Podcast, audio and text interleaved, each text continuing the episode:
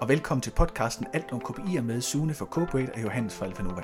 I dette sjette afsnit, så snakker vi om kvantitative undersøgelser, om medarbejdertilfredshedsundersøgelser, om procesoptimering, hvor man spørger medarbejderne, hvordan de synes, det skal optimeres, og om undersøgelser af, om medarbejderne de er ambassadører, som man håber, de er. Derudover snakker vi også om de faldgrupper, der er, når man laver sådan nogle kvantitative undersøgelser, hvordan man skal have respekt for, at på, på forskellige niveauer i virksomheden er der forskellige spørgsmål, der er relevante, og at man skal huske at fortælle, hvorfor man opsamler data, og så skal man huske at bruge de data, man så har fået til noget. God fornøjelse. Goddag Sune. Og goddag Johannes. Og velkommen igen til vores lille virtuelle papkasse rum, hvor vi skal snakke om. Ja, vi skal snakke om kopier igen, ah, og den her gang, der skal vi faktisk snakke en lille bitte smule om øh, kvalitative kopier.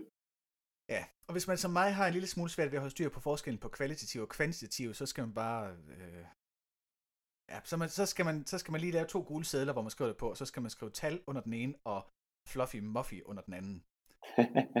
ja, jeg plejer man... at tænke som, at altså kvalitativ, der ligger et ord i, som, som giver mening. Kvalitet. Ja. Det, det må noget med at være at gå i dybden, ikke? Og hvad kvantitativ så skal dække over, det ved jeg ikke. Og det er noget med kvantitet, ikke noget med mængde. Jo, en, det er den lidt mere Ja, sådan en madglad en til mig, jeg kan bedre forholde mig til. Mm, ej, det passer. Jeg kan faktisk, nej, jeg skal faktisk både gerne være godt mig. Det bliver en lang snak, hvis vi skal. Men under andre omstændigheder, så skal vi nok prøve at hjælpe lidt med at, at sige noget, når det handler om tal, eller handler om mere bløde værdier. Ja. Øh, og sidste gang, der snakkede vi jo meget om øh, skyklapper. Faktisk meget. Og så snakkede vi meget om, at når man begynder at kigge på et system, så kan man faktisk ikke undgå at komme til at ødelægge det at når man begynder, hvis man gerne vil se, hvad der er inde i en lavkage, så er man nødt til at skære en skive, og når man har skåret skiven, kan man ikke rigtig sætte den på igen, og så bliver den hel. Altså, så er kagen ligesom ødelagt. Men den store glædelige nyhed er, at det ikke altid er en ulempe, at man ødelægger, for nogle gange er det at ødelægge en nødvendighed for at kunne komme ind og forbedre noget.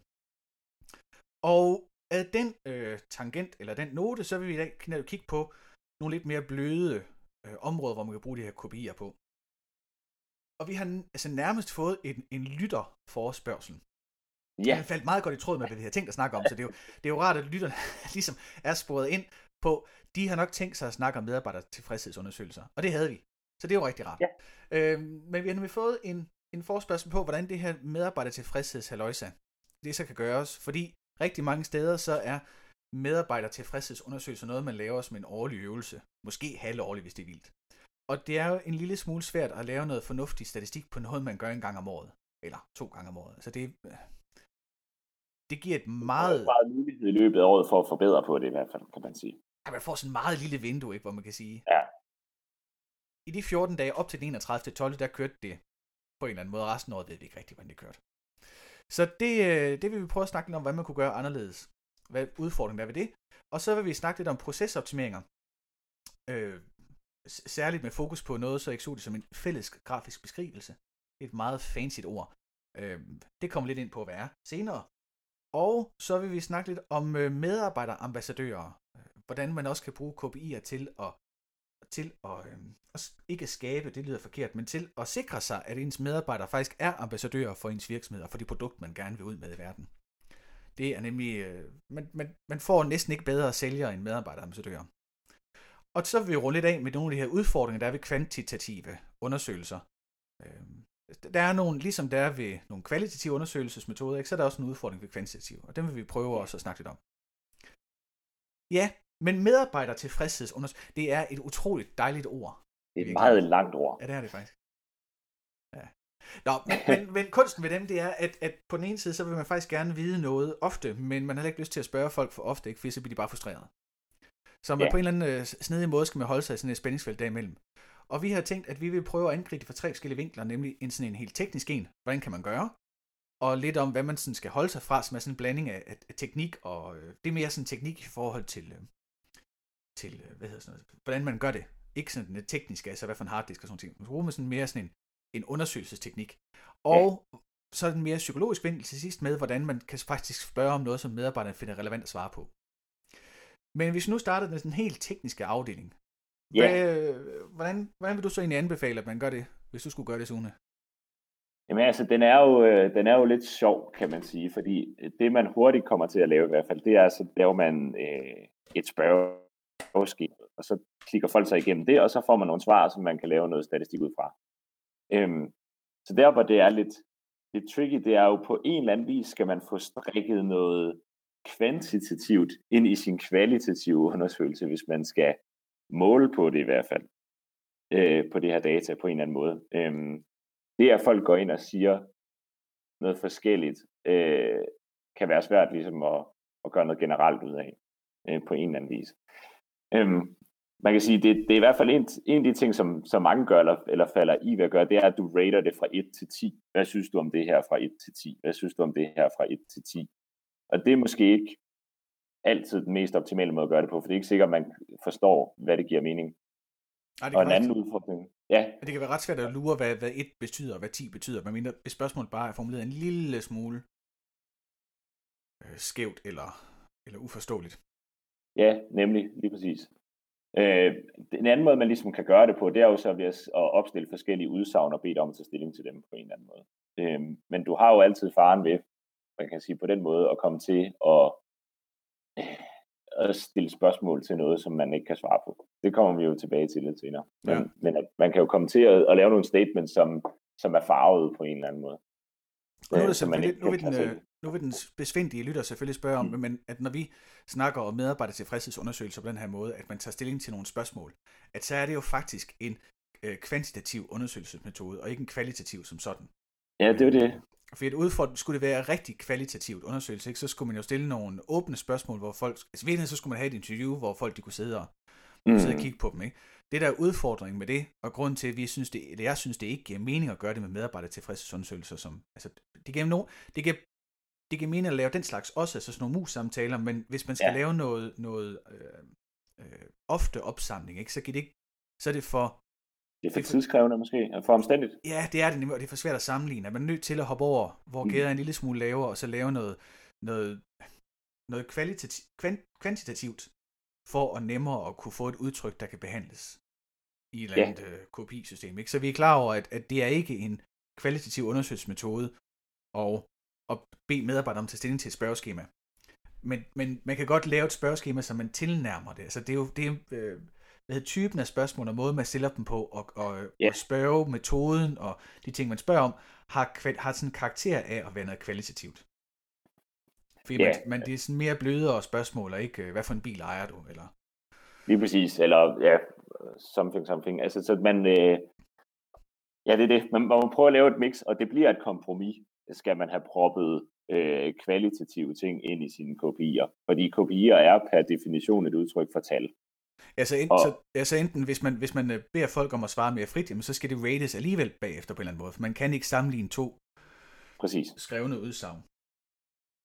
Nej, og hvis man så får to skrevne udsagn, som man så prøver at stille op imod hinanden, øh, og lave en hel masse sige, om de mener det samme her, så er du allerede i gang med at tolke i en ja. grad, hvor du måske mister det, de i virkeligheden var, altså de i virkeligheden mente med det. Ja. Øhm, hvis du prøver at vildsætte dem i nogle bokse, efter de har haft frit lejde, hvis man kan sige det sådan til at sige noget. Ja, lige præcis. Så i stedet for, at de, de, de selv skal sætte sig i bokse, så bliver de sat i boks. Ja. Og er to under, så er det formentlig så er det bedre, at folk får lov til at sætte sig i bokse, end at men de bliver sat i bokse. Man kan, så, man kan komme om, man kan omkring rigtig, rigtig meget ved at have et felt, hvor man kan uddybe. Ja. Fordi, altså dels giver det fornemmelsen af, at man kan, øh, skrive noget andet, hvis man misforstår det. Man kan komme med inputs. Øh, det er ikke sikkert, at der er særlig mange, der benytter sig af det, men fornemmelsen af, at man kan gøre det, er faktisk meget befriende. Det giver sådan en fornemmelse af, af mulig kontrol over et eller andet. Men faktisk en, en lidt enkel måde, man kan bruge øh, kvantitative kopier til at starte en kvalitativ analyse på en eller anden måde, eller starte en samtale i hvert fald senere hen, det er ved at bruge sådan en helt enkelt middel, som øh, du har i IKEA eller sådan noget. Hvordan har din dag været i dag? Sådan noget. Ja. Ikke? Og så siger du, øh, er det rød, gul eller grøn smiley? Og det er jo egentlig ikke særlig sigende for, hvad det så er, der går galt, eller noget som helst. Den indikerer bare, at der er måske noget, vi skal snakke om. Ja, altså pointen er med medarbejder tilfredshedsundersøgelser, det er, at de, altså en spørgeskema kan ikke stå alene. Altså det skal ja. netop, fordelen ved at gøre det oftere, det er, at man som, som leder får et, et mere nuanceret billede af, hvordan, hvordan øh, medarbejderens dagligdag er. Og det kan så den baggrund for en mere kvalificeret snak, når man så tager dem ind til en ægte øh, kvalitativ, kvalitativ Ja, kvalitativ, det er noget med kvaliteten af den, ja. Altså mere en, en personlig snak, en mus-samtale, ikke? Og så kan man bruge mm. de her, øh, du har, øh, kære Hans, øh, fire grønne og 337 røde. Eller det må man ikke have, fordi hvis der er så mange, ikke, så skal man snakke med dem før. Men man kan se, hvis der kommer en eller anden overvægt af røde, for eksempel, ikke, så kan man øh, spørge vedkommende, hvad er det, der Hvorfor er det rødt? Er det bare en tidsting? Er det noget hjemme, der gør det? Er det noget i fritiden, der gør det? Er det noget på arbejdspladsen? Er det noget, vi gør noget ved? Er det noget, vi... Ja, er det noget, vi skal gøre noget ved? Ja, det så det kan, ikke, det kan ikke stå alene, og det er der meget få ting, der kan i virkeligheden. Afhængig af, hvad man ligesom spørger om, så kan det, altså, man kan sige, man kan gøre det 100% anonymt og sige, det er noget for teamet, for eksempel, afhængig af, hvor stor en størrelse man arbejder i, osv. osv. Altså, er man øh, syv medarbejdere på et eller andet team, der hver dag lige trykker på knappen, inden de går ud af døren, så kan man måske godt bruge det som en indikator for, at der er noget, vi skal snakke om, men, men er det på fabrikken, hvor der er 500 medarbejdere, og så kan vi få en generel holdning, men vi fanger i hvert fald ikke lige den enkelte der i den ej, undersøgelse. Ej, der er noget med noget power, altså ved 500, ikke, så, så, er der en, øh, så drukner, drukner det. Så skal man, ind, så skal man inddele øh, folk i mindre grupper, ikke, der bruger hver deres stander og sådan nogle ting. Præcis, så noget i den stil. Ja. Så det er i hvert fald en måde at gøre det på. En ting, man kan sige, øh, hvis man gerne vil opnå dårlige svar øh, på en eller anden måde, så kan man gøre, at så findes der en teknisk løsning, hvor man øh, tvinger brugeren til at spørge eller svare på spørgsmål, når de sidder ved deres computer, for eksempel. Ja. Øhm, til at svare på et eller andet der. Og, og det jeg næsten godt vil sige med garanti der, det er, at den kommer altid ubelejligt. Ja. Og, øh, og hvis du er tvunget til at spørge, svare på den efter 10 dage, hvor du er blevet punket med den hver dag, eller sådan noget i den stil, og der lige tager 5 minutter at køre igennem x antal spørgsmål, så er sandsynligheden for, at du får et særligt validt svar, i hvert fald ikke særlig stor. Altså, altså folk får måske lige hurtigt trykket, der er færdig, så kan jeg komme videre. Ja. Øhm, der skal man måske tænke lidt over med ens metode. Altså selvom det er teknisk muligt, det, det her, øh, men har det så overhovedet nogen form for valid øh, effekt? Altså ja, selvom der, du spørger om det Ja, for der er sådan to, to elementer i det. Så er den, den tekniske forførelse, at man tænker, jeg kan ja. spørge, ergo skal jeg spørge om masse. Ja. Og så er der den sådan rent øh, øh, øh, håndværksmæssige ting ved at lave sådan nogle spørgeskemaundersøgelser. At, at man kan, man kan nå langt, man kan få folk til at svare på meget, hvis de finder spørgsmålene relevante ja. for deres arbejdsopgave. Men når det er sagt, man kan ikke, altså, hvis det er, ved, det er lidt ligesom en Windows-opdatering, eller en opdatering, der kommer aldrig bare lejligt, altså der kommer aldrig ja. tid, hvor man tænker, ej, hvor fedt, nu kommer der en opdatering, det passer da lige perfekt, altså den er altid midt i et eller andet. Så man skal, øh, tænke, at man skal, man skal holde sig fra fristelsen med at, at tænke, at jeg kan, mit Google-spørgeskema er ligeglad med, om der er 5 eller 500 svar, jeg skal, en medarbejder skal igennem, men det er medarbejderen bare ikke. At det gælder mm. om at finde ud af, hvad, hvad det giver mening. Altså, hvor man skal, ja. Og det, det, en anden øh, god ting i den her snak at komme ind på, det er jo det her fine persondataforordning. Mm. Øh, for hvis man, ikke, hvis man ikke kan finde ud af at begrænse sig, bare fordi at man er, altså fordi man kan se fornuften i det, så kan man øh, tænke, at ifølge den nye persondataforordning, så må man kun opsamle og opbevare data, man har brug for. Man kan ikke bare tænke, jeg tager dem alle sammen, fordi det kan være, at jeg får brug for dem på et tidspunkt. Og et glimrende, min, for mig er et glimrende eksempel, det er alder. Altså, jeg, ja. når man laver sådan en spørgeskemaundersøgelse for Samvirke, eller for FDB, eller FDM, eller en eller anden, ikke, der kommer ind i sin inbox, man tænker, jeg vil gerne vinde to billetter til en eller anden film. Og så kører man igennem, og så slutter det altid af med, at man svarer på sit køn, og på sin alder, og måske sit postnummer, eller sådan noget. Ja. Og det gør det jo ikke fordi, at alder som sådan øh, siger meget om, hvorfor jeg mener det, jeg mener. Det gør det jo for bagefterfølgende at kunne, kunne designe produkter, der passer til mig fordi de ved ud fra min alder, hvor de skal ramme mig med reklamer og markedsføring. Ja. Det er det, de gerne vil bruge det til. Fidusen er bare, når man sidder som leder af en virksomhed, i en virksomhed, så er jeg ikke interesseret i at sælge mine medarbejdere noget. Jeg er interesseret i at medarbejder, finde ud af, hvordan mine medarbejdere har det. Ja. Og min medarbejder er 17 år, eller 37, eller 57, gør ikke den rigtige... Altså, det har ikke nogen indvirkning på medarbejderens øh, udsagn. Det kvalificerer eller validerer ikke medarbejdernes udsagn. Man tænker, nå, men hun er jo 17, så er det jo bedre end han, altså ham på 37. Altså, han er også snart på vej på pension, eller et eller andet. Lige præcis, altså, så kan det... vi bedre tænke, det er ligegyldigt. Altså, ja. så, så det, der, er nogle, der er sådan nogle automatting, som vi tror, vi skal opsamle, fordi at det skal man vel bruge, eller det gør andre. Og det øh, skal man bare nødvendigvis ikke. Og jeg tænker, den her, øh, vi har efterhånden en vis øh, tendens til, øh, tradition for at nævne små YouTube-videoer, som man ikke kan fornøje sig med. Ja. Man kan gå ind og google, eller trykke på linket i vores beskrivelse af den her podcast, på videoen inde på YouTube, der hedder Hvis din bærejomfru var en app. At der er det meget skægt at se, hvor, øh, hvor kontekstafhængigt det er, og, og vi finder spørgsmål upassende eller ej. For når, vi, ja. når man køber en billet eller et par sko eller et eller andet på en online shop, ikke, så er vi vant til, at vi angiver vores e-mailadresse, vores telefonnummer, vores adresse, Øh, madrassen giver måske ikke altid skide god mening, når vi køber en billet, fordi den bliver sendt på en e-mail, men vi tænker, de skal, de skal sikkert. de skal sikkert bruge det til et eller andet data, øh, køb, lov, et eller andet haløjse, ikke? Og så går man ned i sin lokale bager, og så står der i videoen, der, ikke, så står der en, en sød pige bag disken og siger, øh, hvad er de sidste fem sms'er, du har sendt? Og så kan man godt sige, at vi har folk en lille smule, øh, hvorfor skal du vide det? Eller man mm. spørger, jeg skal lige bruge dit mobilnummer. Hvorfor skal, du, hvorfor skal du det? Så det er meget skægt, at konteksten er ekstremt afhængig af, eller afgørende for, om vi finder det relevant, det spørgsmål eller ej. Og jeg tænker også, det, der er, hvis, hvis øh, sat helt på spidsen, jeg var jo i Elgiganten for ikke så mange dage siden, og så stod den der stander ikke med øh, fem smileys. Den står jo til sidst. Ja. Fordi det er der, det giver mening. Altså, men den, man kunne godt, hvis man ikke havde tænkt sig om, så kunne man godt have sat den, når man går ind ad døren. Hvor glad er du for, og hvor, hvor, hvor forventningsfuld er du for dit besøg? Er du? Ja. ja, så tænker jeg, ja, du får et helt andet svar, ikke? Det er det. Så, altså, og der er det bare meget øh, nemt at se, at konteksten dikterer, hvor den skal stå. Ja. Og der er bare nogle gange, især når vi kommer noget IT-teknisk noget på nettet, ikke, så glemmer vi lidt, at den der kontekst stadigvæk er der. Den er bare en anden, og den skal vi tænke på samme måde. Altså det giver først mening at spørge folk om, øh, om hvordan de har oplevet en hjemmeside, eller hvordan de har oplevet et, et køb, når de faktisk har gjort det. Ja. Altså den der idé, man kommer ind på en hjemmeside, hvor der står, vi vil gerne have øh, tre minutter i tid til at gøre vores hjemmeside bedre. Men det er første gang, jeg er her, jeg har aldrig været her før, jeg ved ikke, hvordan den burde være. Altså det giver ikke mening. Og, men, men der er nogle tekniske ting, man tænker, det kan vi ikke finde ud af at sætte op. Eller, det bliver for bøvlet. Ja, hvad er det nu endelig måtte være? Ja, så der er nogle, der er nogle øh, altså rent teknisk, når man gør ting på, på nettet, så er der nogle, der, det gør det nemmere, der er nogle fordele ved at gøre det, ikke? Det gør det nemmere mm. at gøre det tingene anonymt. Det gør det nemmere at opsamle data ofte. Det gør det nemt at placere en stander, for eksempel, når på vej hjem, ikke? man spørger, øh, grød, øh, grøn og rød, hvordan var din dag? Bum. Ja. Det er også det er fint med en gul i midten, ikke? Som siger, med, ud, øh, men, det, men, men det er nemt at opsamle det mange gange. Også med mange mennesker. Så er der de der ting, som du siger, ikke? Så hvis man har 500, der skal gøre det, så skal man lige tænke sig om. Øhm, og når man så kobler det med en, sådan en, en bundefornuft, koblet med angsten for at få en kæmpe stor bøde, fordi man ikke overholder dataforordningsloven, så kan man faktisk også godt tvinge sig selv til at begrænse, hvad for nogle data man faktisk opsamler. Præcis. Så er der bare den sidste lille at finde tilbage, det er, når man siger, de ting, man så spørger medarbejderne om, de skal faktisk gerne være relevante for medarbejderne. Mm. Øh, og der er nogle gange, tænker jeg, en udfordring i, øh, vi har tidligere snakket om forskellige hierarkier i en virksomhed, og, og, og at forskellige hierarkier har forskellige tidshorisonter. Ja. At man som leder, så sidder man der med det store forkromede overblik, ikke over flere år måske, eller måske over 10 endda, ikke? og som medarbejder, så husker man måske de to sidste dage og en uge frem, eller sådan noget.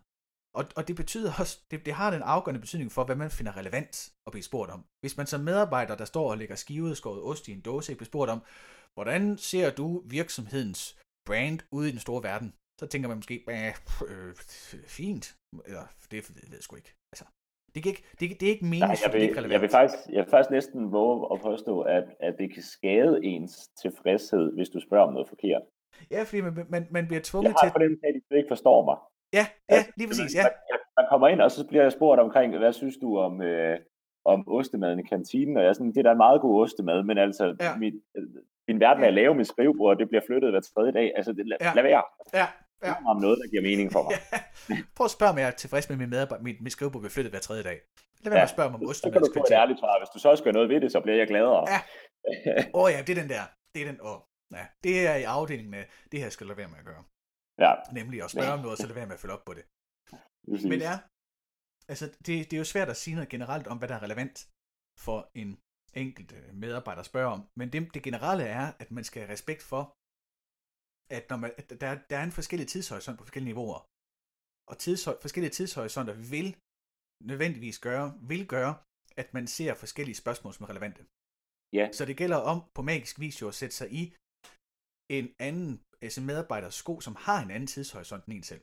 Og det er derfor, at det er skide svært at lave sådan noget nummer her internt, og det er derfor, det er så bankeeffektivt at få eksterne folk til at komme og gøre det, fordi de er ikke bundet op på de her tidshorisonter, fordelt på de her ledelsesniveauer.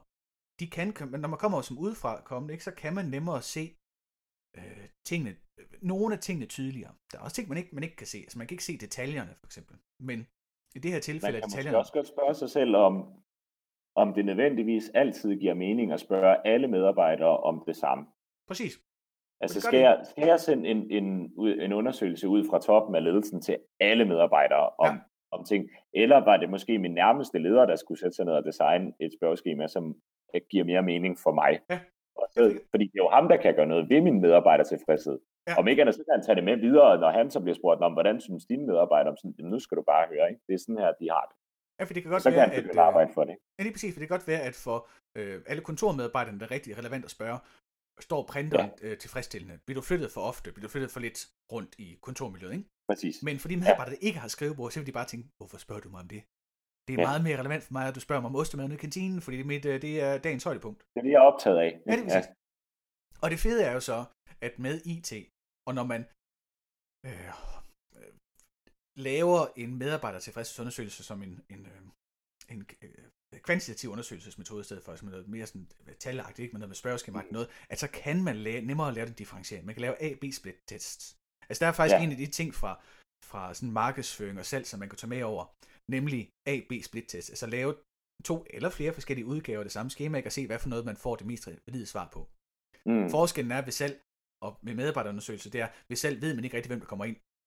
Og derfor splitter man lidt for at, at, at, at, at prøve sig af til, hvad for en, der fungerer bedst. Med medarbejdere, der ved man faktisk godt, hvem der sidder ved skrivebord, hvem der ikke gør. Så ja. man, skal, man skal tage at gøre sig den tjeneste og, og lave spørgsmålene medarbejder relevante. Ja. Det var det, om, det, var det vi øh, tænker, vi har at sige om medarbejder tilfredshedsundersøgelser. Det tror jeg også, det må være. Og det vil sige, at den korte udgave, det er, man skal lade være med at lade sig forføre, hvad man kan teknisk. Ja. Man, skal, man, skal, man skal gøre det så afgrænset som muligt, så det stadig giver mening, og så skal man huske den der datapersons forordnings lov, og så skal man huske at stille spørgsmål, der er relevante på de forskellige niveauer. Det er jo lige præcis det, og man skal tænke det som, øh, at som med alle andre måler, som vi har snakket om tidligere, at de, de samme regler gælder, eller de samme mekanismer er ligesom i spil her, også, også selvom det er digitalt, eller hvordan man nu har valgt at gøre det. Ja. Og så har vi, øh, så sagde vi jo snakket om procesoptimering via den her fælles grafiske beskrivelse. Og ja. øh, det gør vi, det vil, eller det vil jeg gerne, fordi det er, synes jeg, et andet eksempel på noget, som man ofte, altså procesoptimering har det med at være noget, som man håndterer kvantitativt. At man går ind og mm. måler på medarbejdernes hastighed for at gøre en bestemt opgave, eller man måler på øh, forskellige parametre, som er sådan målbare. Ja. Øh, af den måde, som jeg i min lille Bix Alphanova har valgt at gribe det her procesoptimering an på, det er en mere kvalitativ udgangspunkt eller semi-kvalitativ, mm. hvis man skal være rigtig øh, øh fin øh, fejnsmækker. Fordi øh, det, den her fælles grafiske beskrivelse går ud på, det er øh, at lave et, et fælles, et fælles øh, øh, produkt, som man kan snakke om. At øh, problemet med løse snakke, det er, at de er løse. Det gode ved ja. løse snakke, det er, at de ikke er styret, og der kommer ting frem, som faktisk betyder noget for, at medarbejderne, dem man interviewer og snakker med, har mulighed for at styre samtalen i en retning, som jeg som øh, konsulent eller som interviewer ikke har forudset.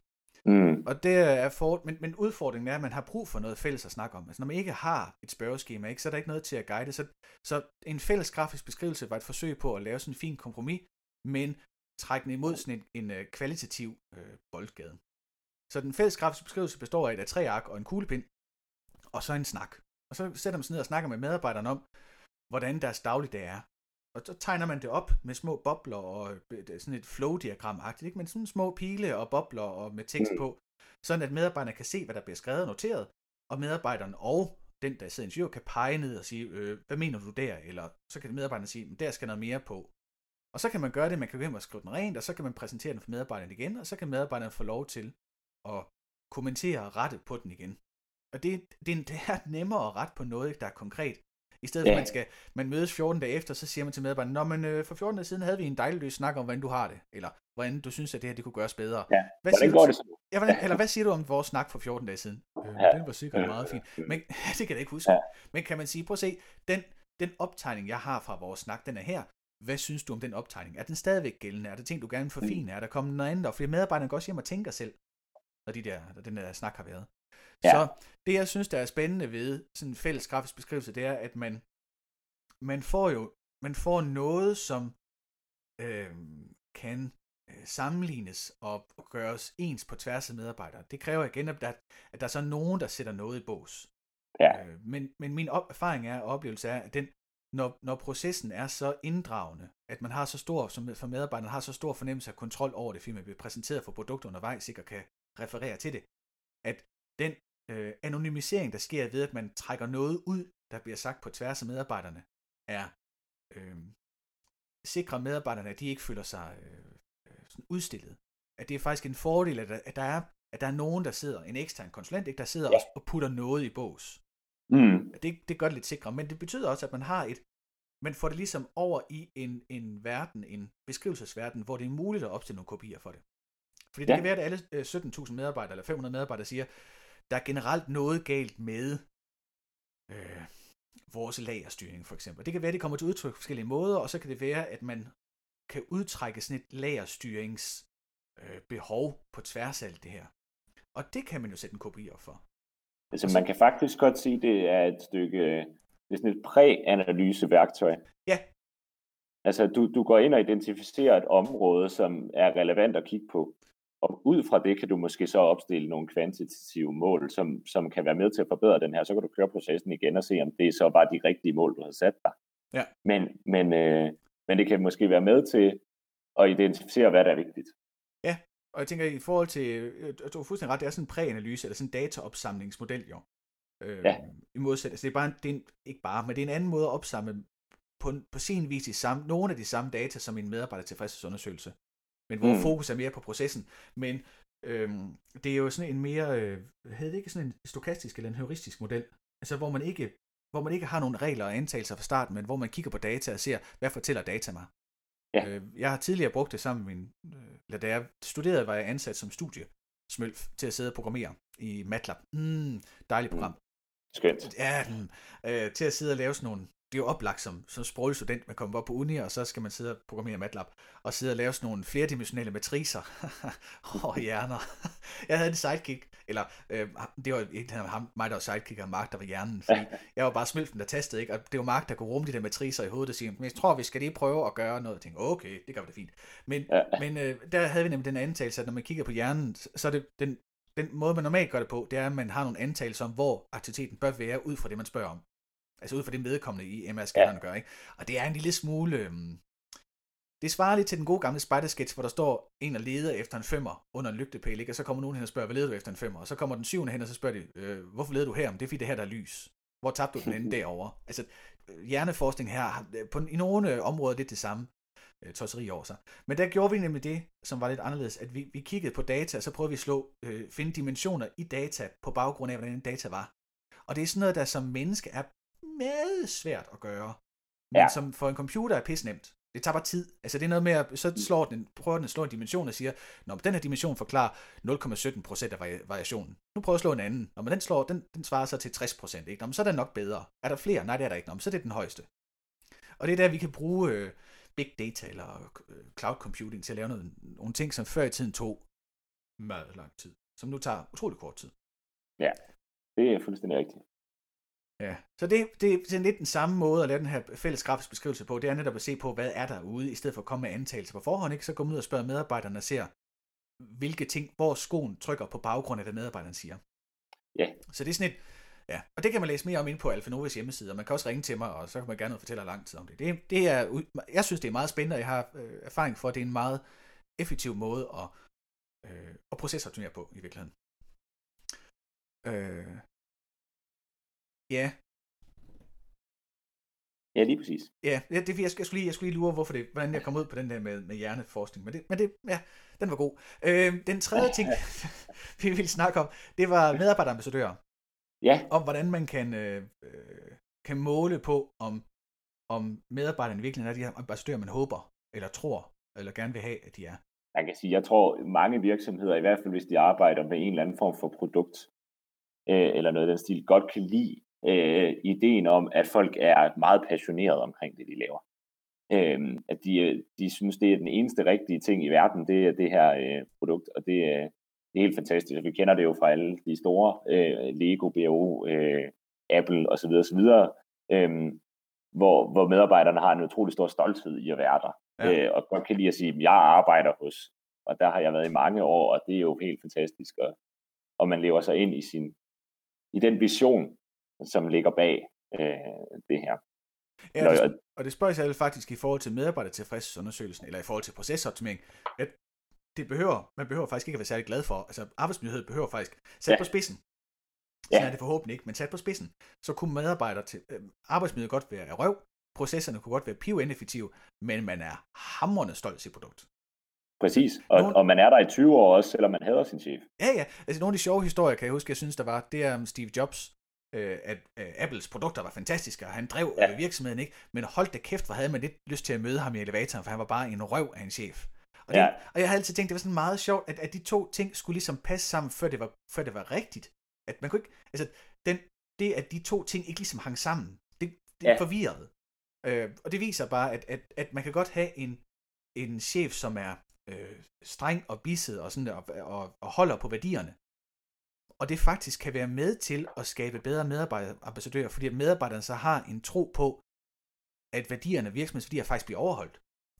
Og, ja. det, og det kan nogle gange, jeg tænker også, det er nogle gange, øh, vi er jo begge to spejderledere, og jeg tænker, det er lidt det samme, vi nogle gange oplever der, ikke, hvor sådan en patrulje godt kan synes, at vi er dybt uretfærdige. Eller nogle spejder, lad os kalde det, for patrulje, ja. det er sådan en, et internt begreb, ikke? Men hvor spejderne godt kan synes, at vi er dybt uretfærdige, at vi forlanger, at de skal lave aftensmaden selv. Men vi ved jo, at den proces, de kommer til at gå igennem med at lave deres egen aftensmad, den er berigende, den er lærende, den er med til, at de mm. får en god oplevelse. Og de synes bare, mens de er i processen, at det er bare total røv. Det regner, og løgne sviger, ja. og det er bare så nedtur, ikke? Og så står vi der og tænker, det er fint. Men der er noget læring i det. Og der er et værdisæt, ja. som gør, at det er det her, vi skal gøre. Og det, at vi så fastholder det værdisæt, er med til at forstærke oplevelsen efterfølgende. Så, Jamen, og, så... det er også, og det, der gør, at de får lyst til at komme igen måske, ikke? altså sat på spidsen, at der ligesom er noget, man ved godt, hvad det er. Altså, vi skal lave aftensmad, og vi skal gøre det selv. Ja. Og man finder ud af, hvorfor. Ja, og man har også, øh, efter, altså bare første gang, når man så sidder og spiser sine egne. Jeg kan stadig huske, jeg var engang på lave med nogle ulvunger, hvad de er, det er anden, tredje klasse, ikke? Øh, mm. Hvor de selv skulle være med til at lave frikadeller. Jeg har ja. aldrig set, der er sådan, øh, der er forældre, når de sender børn til spejde, det er meget skægt, fordi de siger altid, nu skal lige være opmærksom på, at lille Sofus eller lille øh, Ida Marie eller andet, hun kan altså ikke, eller han kan ikke lide løg. Og ja. den havde vi fået et par gange, inden vi tog sted på en lavelejn, og så satte vi de her ulveunger til selv at hakke løg. Jeg sværger, jeg har aldrig spist øh, frikadeller med så rustikt hakket løg før. Når jeg sidder med sådan en frikadelle med et kvart løg, og tænker, Åh, oh, det var... Det var, det var også alligevel var, og, og, jeg vil godt afsløre, sådan et kvart løg bliver faktisk ikke stegt voldsomt meget, når det bliver stegt som frikadelle. Egentlig, altså ikke helt nok i hvert fald. Jeg skal lige, men, men børn, og jeg tænkte, hold nu kæft, man, vi får bare 17 sure ulveunger, de kommer til at gå sultne i seng. De åd bare de her frikadeller. Haps, haps, haps, haps, haps. For de havde selv været med i processen. Ja. Og, de, og, de, og de, altså, det synes de bare var herreskønt. Og der, der var særligt leg for jer. Vi var en, noget bekymrede for, hvad der ville ske. Så det er meget skægt, hvad der sker, når, når øh, at, at det er svært, når man står i processen, og nødvendigvis have overblikket og overskud til at kunne forstå, at det her, det bliver godt, når man selv ja. er smølfen, der skal være i hamsterhjulet, ikke? Ja. Men at den, der står udenfor, øh, godt kan insistere på, at man skal lade sig ind i hamsterhjulet, fordi når man er derinde, og man kommer ud igen, så kan man godt se, at det var godt. At du det skal lave det her om 30 gange, ja. fordi sådan er det bare. Ja, og, og fordi... så til sidst, så finder man ud af, at det var faktisk, fordi det blev, så blev det perfekt, eller så blev det Øh, og så har man måske respekt for, at han insisterede, eller hun insisterede på, at det var sådan, det skulle være. Men lige præcis, det kan være, at de 30 iterationer gjorde, at produktet blev så meget bedre, at når man kommer ud og sidder til et middagsselskab, ikke, så er der nogen, der siger, hold da kæft, den der nye Demse Dudley Hood, I lige har lavet, ikke? Kæft, den var lækker. I stedet for, de siger, hold kæft, den manglede lige 30 gange. Ja, det kunne godt lige have brugt 30 iterationer mere. Ja, det kunne den godt, ikke? Altså, det er ja. noget federe at sidde til familiefødselsdagen og få videre, det, man faktisk arbejder med, er fedt. Og det er jo det... Men hvordan, øh, hvordan måler vi så på det, kan man sige? Eller hvordan får vi sat KPI over visionen? Så begynder det at blive vanskeligt, ikke? Ja, det gør det. Men, men øh, det er jo ikke umuligt. Det handler jo i særdeleshed om, altså det, det handler om, i her lige så meget med, som, med medarbejder tilfredshedsundersøgelsen, at man spørger om, hvad der er relevant. Ja. Altså, man kan godt, udfordringen er, at det man som ledelse gerne vil vide, det er, synes, øh, synes du som medarbejder, at vores produkt er godt? og hvis man, hvis man spørger Jens ude, eller han ude på lageret om det, så vil de tænke, øh, jo, det er det vel sikkert. Altså, jeg putter ja. det i papkasser, så kører det ud til en anden, altså, hvad ved jeg. Men man kan godt, man kan godt, øh, og der er også, man kan da ikke rigtig altid spørge om, er du stolt af arbejde? Ikke? Altså det bliver ja. også... Øh, Nå, okay. Ja, ja så, så, men altså, der, der er udfordringen er, at det, man gerne vil vide noget om, kan man ikke altid spørge om til direkte. At man er nødt til at spørge Nej, indirekte. Man er nødt til at spørge, man er nødt til at spørge lidt diskret ind til.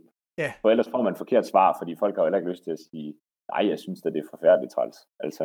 Ja, så er kunst nemlig at gøre det konkret, ikke? Det er at, ja. at spørge måske, altså den helt konkret at spørge, hvis du sidder til en medarbejder, til en uh, familiefødselsdag, har du det så godt med, at det produkt, som vi producerer, kommer op i en samtale?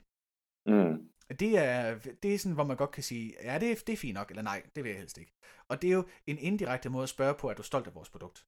Ja. Men i stedet for at spørge, er du stolt, så skal man selv til at skabe sig, hvad betyder stolt af, og hvor meget stolt er, og hvad tænker de på? Er det sådan, ja. skal jeg altså er stolt. Og så begynder vores øh, sådan personlig definition også, hvad betyder det, at jeg er stolt af noget? Betyder det, at jeg går, altså jeg går med det selv, eller betyder det, at jeg går med et flag nede på gågaden og siger, hurra, prøv at se sig. Men, men den konkrete situation kan vi godt sætte os ind i. Så det er, fidusen er at prøve at spørge til noget konkret, hvor, øh, hvor, det, hvor igennem det vil blive tydeligt, om man agerer på den måde, som vil indikere, at man er stolt. Ja. Og det var en dejlig fin, øh, der var nogle fine undtagelser, sådan nogle fine øh, vis og ting og sager. Ja. Så udfordringen er, som Altså udfordringen er, om det er medarbejdertilfredshedsundersøgelser, om det er procesoptimering, eller det er medarbejderambassadør, man gerne vil sikre sig, man har. Det er, at man sidder, at man, at respekten for, at man sidder på forskellige niveauer i virksomheden, og det niveau, man er på, øh, der er der nogle bestemte kopier, man gerne vil have, altså man gerne vil have noget mål med. Og som ledelse er det jo tit, at man gerne vil have, at omsætning i salget er øh, som forventet. Eller vi opnår, vi når det her salgsmål, eller vi holder vores ja, udgifter på det her niveau, eller og, og jo længere, når man kommer ned på andre niveauer, så er der bare andre ting, som er mere betydende. Altså man er nødt til at spørge om nogle andre ting, for at få svar på de ting, man gerne vil have svar på. Ja, og man kan jo godt udlede, eller på en eller anden måde føre det til, at man får svar på sit mere overordnede spørgsmål i sidste ende. Altså, ja. medarbejderne her, de har de er helt med på visionen, og de, er, de synes, det er fedt. Men præsenterer du dem direkte for dem, jamen, jo, det kan da godt være, men, men det er måske ikke så relevant, hvis man pakker kasser, men hvis du går og siger, jeg synes virkelig, det er kanon fedt at pakke de her kasser, fordi jeg ved, det gør en stor forskel et eller andet sted, eller hvad, hvad det nu måtte være. Eller ja, jeg snakker om det hver gang, jeg snakker ikke om andet, når jeg er til familiefrokost. Eller... Ja. Jeg sender personlig stolthed i, at jeg har stået og pakket kasser, som gør, når, når kunden får produktet i hånden, ikke så åbner de kassen og tænker, nej, det var sgu, det var ja. pænt pakket ind. Altså det var godt sendt. Ja, jeg går helt vildt meget op i, at, at, at, at det ligesom er rigtig flot pakket ind, ikke? fordi ja jeg ved, at kvalitet det er noget, vi står for. Eller det, det ligesom er det, det der emmer igennem virksomheden. Eller, ja. Men... Og så er det sådan nogle små ting nogle gange også, ikke? Altså, hvis man har prøvet at få fra øh, barberklingen, eller barberskab, eller barber, put hvad det nu hedder, ikke? De der virksomheder, der, det er meget skægt med dem. De, de startede cirka på alle sammen på samme tid. Altså, ja. der har siddet været to eller tre mennesker i Danmark og tænkt, barberblade, de er for dyre. Det er det, Ja, det, altså, ja. det er meget spøjt, der sådan noget. Nå, det, ja. Men der er der tit sådan en lille håndskrevet seddel i, hvor der står, og den er, ja. ikke, altså, den er jo ikke håndskrevet mere, vel? Men, men det illuderer, at det er håndskrevet. Det er meget fint, for der er sådan en lille, mm. hvad det virker som personlig hilsen. Øh, og det virker jo. Altså det gør det rart for mig at modtage. Og jeg tænker også, jeg har nogle gange, jeg kan ikke huske hvornår, men jeg kan huske, at jeg har modtaget noget fra en webshop, hvor jeg tænkte, hold kæft, det er ikke særlig godt pakket ind det her. Mm. Jeg tror, det var en harddisk, jeg modtog en gang fra et eller andet elektronik sted, ikke? hvor jeg tænkte, den har godt nok ligget og hoppet meget rundt i kassen, var den her dims. Ja. Og det er jo utryg for mig, for så tænker jeg, videre mit produkt. Det var noget ram, en ramklods faktisk, jeg købte, hvor den ikke var pakket ind, hvor den bare lå i sådan en gang papir rundt op, hvor jeg tænkte, åh, den skulle have været en anden statisk pose, den her. Det er, ja. ikke, det er ikke mam. Øhm, og, det, og det er jo ikke fordi, at virksomheden var useriøs eller, eller sjov eller noget, ikke? det er bare øh, måske nogle manglende interne regler for, hvad man gør, og lidt manglende omtanke, og lidt for meget hastighed og sådan noget. Ikke? Mm. Øhm, og der, der, der kan man jo godt som der vil jeg forestille mig, hvis jeg sad siddet og mød, hvis jeg havde mødt vedkommende igen og sagt, nå, eller mødt andre, og de så spurgt, hvad synes du om den her virksomhed, så havde jeg ikke været ubetinget positiv på det tidspunkt, hvor jeg havde modtaget en pakke. Så der er jo, altså, den der kvalitetssikring og, og medarbejderambassadør tankegang er jo på alle niveauer i alle arbejdsfunktioner. Altså det er ja. naivt, og det er forkert at tro, at bare fordi man står på et lager, at så har man ikke nogen indvirkning på produktets øh, opfattelse, produktets kvalitet. Nej. Det har man jo i høj grad. Ikke? Altså det er alle ledige virksomheder, der har et, et ansvar, en mulighed for at påvirke det. Lige præcis. Og det tænker jeg, det, det bringer os jo, vi har sådan kredse rundt lidt om den varme grød, ikke, ved at snakke om, om de her tre forskellige ting, fordi mm. vi har både gjort det tydeligt, hvad man kan gøre, men også sådan hintet, at der er nogle udfordringer. Ja. Som ikke er helt ubetydelige. Øh, og hvis man nu lige skulle opsummere dem, så tænker jeg i hvert fald, en af de udfordringer, som vi har peget på ved både vores medarbejder tilfredsundersøgelser, vores procesoptimeringer og vores medarbejderambassadører, det er, at hierarkier i virksomheden er hamrende afgørende for, hvad for nogle spørgsmål, der giver mening. Hierarkier forstået på den måde, at det, det niveau, det hierarkiniveau, man befinder sig på, at der er koblet forskellige KPI'er og forskellige forståelser af det her, man gerne vil opnå, der det er koblet på det niveau. Og når man så skifter niveau, så er man nødt til at spørge ind til det på en anden måde. Man kan faktisk godt lidt sammenligne det med, at øh, man har en forventning om, at en medarbejder i et eller andet sted i en, en eller anden virksomhed går til sin nærmeste leder og ikke forsøger at gå til bossen, fordi så underminerer han ligesom de andre i bæksten. Mm. Øh, det, er sådan en, det har vi ligesom forstået, at det er sådan, det skal være, og man skal respektere, at tingene nogle gange er på den måde. Men det gælder jo også den anden vej. Det ah, gælder ja. også om at respektere, at man arbejder på det her niveau, og man er nødt til at gå gradvist nedad, og ikke i et stort ryg, fordi så rammer man bare ikke rigtigt, og, og man underminerer ligesom de her strukturer, der er i virksomheden, ved bare at sige, et spørgsmål om strategien. Og der har faldt du en lille smule ud, Sune. Kan du, kan du sige den sidste del igen? Ja, det kan jeg tro. Altså, øh, det kommer an på, hvad den sidste del er. Og det var den aller sidste øh, sætning med, at man, jeg tror, det er mere med, at man skal have respekten for, at når man går fra, ja, fra toppen ja, og nedad i hierarkiet, ikke, så skal man have respekten for, at man skal... Man kan ikke bare ja. gå fra topledelsen og helt ned i bunden. Nej, lige præcis. Man, man kan ikke, det, det jeg fik sagt der var, at man skal ikke underminere øh, den struktur, der er i virksomheden, ved at gå direkte. Ja, hvad enten er det ene eller den anden vej. Ja. Ja, for du havde det, da vi snakkede om det før, vi trykker på, på optag-knappen, at man har en mulighed for som, som yberledelse ikke, at lave en standardiseret medarbejdertilfredshedsundersøgelsesskema. Ja. Og så sender man ud til hele banden. Og der er fidusen jo at, at udnytte IT og respektere øh, de, der er de forskellige niveauer i virksomheden, ikke? Altså man så sørger for at tilpasse spørgeskemaundersøgelsen eller medarbejdertilfredshedsundersøgelsen til det niveau, som man spørger på.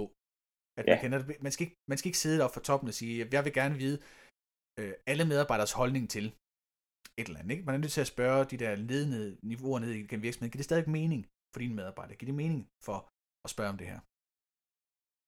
Og dermed ikke sagt, at man skal distancere sig fuldstændig fra medarbejderne og ikke må høre, hvordan de har det, men, men, men man skal bare have respekten for, at man ikke, man ikke går op af dem til daglig på den måde. Ja. Og man, man kan ikke spørge, så det er relevant på den måde. Nej, det er man nødt til. Ja, man kan jo godt sidde sammen nede i kantinen og slude om, du har haft en god weekend. Altså. Ja, ja. Men er det, at den, den nærmeste leder må for os øh, forventeligt have et større kendskab og indsigt i de medarbejderes øh, arbejdsforhold, øh, daglige mm. forhold. Og det bringer os jo fint over i den næste, som er lidt den samme, ikke? Det er, øh, i stedet for at vi kigger på det som, som horisonter, eller som, nej, ikke som horisonter, som hierarkier eller som niveauer, at så er det, at der er forskellige tidsperspektiver. Præcis. Øh, altså, ja, og det, det er i virkeligheden øh, potato potato, to sider samme mønt. Altså, øh, respekten for, at niveauerne og tidsperspektiverne er der. Det er det, man skal, det, man skal holde sig i hu, når man skal udarbejde de her undersøgelser. Det har vi faktisk lavet en helt, et helt afsnit. Ja, det har vi faktisk, ja. Det, der, derfor, ja, det kan man, øh, det var vel, øh, det var faktisk, var det fjerde? Det, det, vi har lavet et afsnit. Og det var vi, vi har lavet så mange afsnit. Det er jeg kan bare ikke huske, om det er det fjerde eller femte. Jeg tror, det er det fjerde. Ja. jeg tror også, det er det fjerde. Øhm, og så er der den sidste, og, den, og den, den har vi faktisk ikke snakket så meget om med nogle af de andre. Det er nemlig, hvad er det i virkeligheden, data skal bruges til? At der skal være ja. en, en form for gennemsigtighed i, hvad er det faktisk? Altså en ting er, hvad svarer jeg på, men i høj grad, hvorfor skal jeg svare på det her hejs? Ja. Hvad er det, I skal bruge det til? Hvad vil I, vil I afskaffe ostemad i kantinen, for eksempel, hvis jeg siger, at jeg bedre kan lide pølsemad, altså? Og af den øh, tangent, hvad, og så bliver de faktisk brugt. Altså en ting, der er, der er få ting, der er så underminerende for en medarbejder tilfredshed, som at blive spurgt om noget, og så det, man svarer, ikke bliver brugt til en skid. Ja. Så, om jeg vil gerne høre din holdning til. Godt, ja. jeg gør noget andet.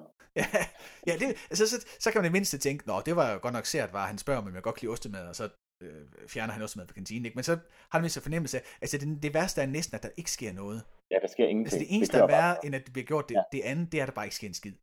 Ja. Hej kære medarbejdere, i dag skal vi have en lang visionsweekend. Vi skal snakke om vores strategi og vores mission. Og mandag er så der ikke en skid. Lige præcis. Puha, det er ikke, øh, det er ikke tilfredsstillende.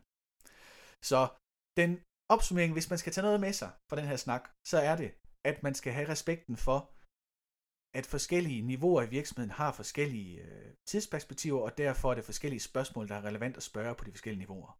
Ja. Og det betyder også, at man er nødt til at følge, man er nødt til at have respekten for hierarkiet i virksomheden, så man ikke underminerer det øh, ved at gå, ved at springe led over. Altså det er jo, ja, det er et spørgsmål at opretholde og øh, begrunde, at der er det her niveau, den her niveauer og hierarkier i virksomheden. Og så skal man have respekten for, at folk de sidder og tænker, hvorfor spørger du mig om det her? Og at når man har blevet spurgt, så forventer man også, at på en eller anden måde bliver reageret på det. Det kan godt være, at reaktionen er, det har vi ikke tænkt os at gøre noget ved nu, men ingen reaktion er værre end, altså ingen i talesættelse af det, er værre end ingen reaktion. Det var, øh, så nu er, nu er, hvis I nu sidder derude og tænker, det her med medarbejder tilfredshedsundersøgelser eller procesoptimeringer, eller vi vil gerne undersøge, om folk har medarbejderambassadører, og I tænker, øh, det lyder skide fedt, men hvordan er det lige, man gør? Så kan man altid øh, ringe til os, eller skrive til os, og så kan man jo, så hjælper vi jer gerne videre med enten den øh, bløde del af det, eller den tekniske del, eller den bløde og tekniske del. Øh, det er faktisk det, vi render rundt og laver til daglig. Så det er man altid velkommen til at skrive til os eller spørge om, hvis man gerne vil øh, have vores input til, hvordan man kommer, hvis man sidder med sådan en lille, lille udfordring. En lille udfordring, ja. Lille... Vi gør vores allerbedste for at svare. Ja, det kan vi gøre. Der har vi nogle erfaringer, nogle tips og tricks. De næste par gange, nu har vi jo haft, det her det er den 6. Post, 6. podcast i uh, rækken øh, om KPI'er. Øhm, og øh, de har haft sådan forskellige temaer, som vi har vendt og drejet, primært sådan forskellige aspekter af KPI'er. Og de næste tre øh, episoder, de vil handle om de forskellige tidsperspektiver, der er i KPI'er. Og vi kan ikke love, at vi ikke kommer til at sige noget af det samme, som vi har sagt, men vi kan godt love, at det bliver sagt på en anden måde. Og der måske også kommer lidt mere med. Øh, KPI'er er for, for os nemlig så stort op. Altså det er jo, det er jo en stor, kompleks øh, monster at give sig kast med. Så det er jo fint nogle gange at få det belyst på forskellige måder, som ligesom kan se, hvordan det kan, hvordan det kan bruges på forskellige måder. Og især for at fremhæve nogle af de gange, hvor det, man tror, man taler om kopier, men hvor man i virkeligheden ikke nødvendigvis taler ja. om kopier. Så næste gang vil vi snakke noget om, øh, hvordan man kan bruge kopier til at lave procesoptimeringer. Øh, hvor det er sådan et tidsfokus, der er fremadrettet. Og så øh, gang nummer 8, så vil vi snakke lidt om, hvordan man kan bruge... Et, et, det passer faktisk ikke, nu siger jeg noget, der ikke er sandt, ikke? fordi det er ikke det, man gør. Men det, det kommer vi til til episode 8. Ja. Hvordan man kan bruge kopier til at fastholde produktion inden for et defineret område. Men det er ikke kopier, det er fuldstændig korrekt. Men det, det, det kommer vi mere ind på. Og der er sådan et mere et, et nu-tidspunkt, øh, tidsfokus øh, perspektiv.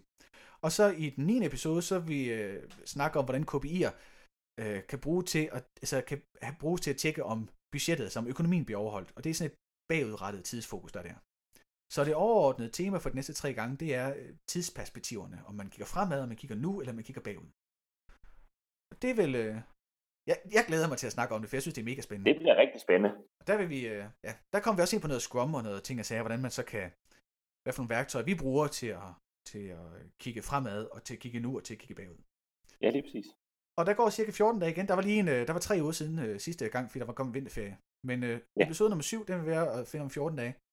Inde på hjemmesiden eller iTunes, eller hvor man, der, hvor du plejer at finde dem. Ja, der hvor man nu ønsker, ynder at øh, fordøje, eller fortære. Nej, hvad gør man? Lytte.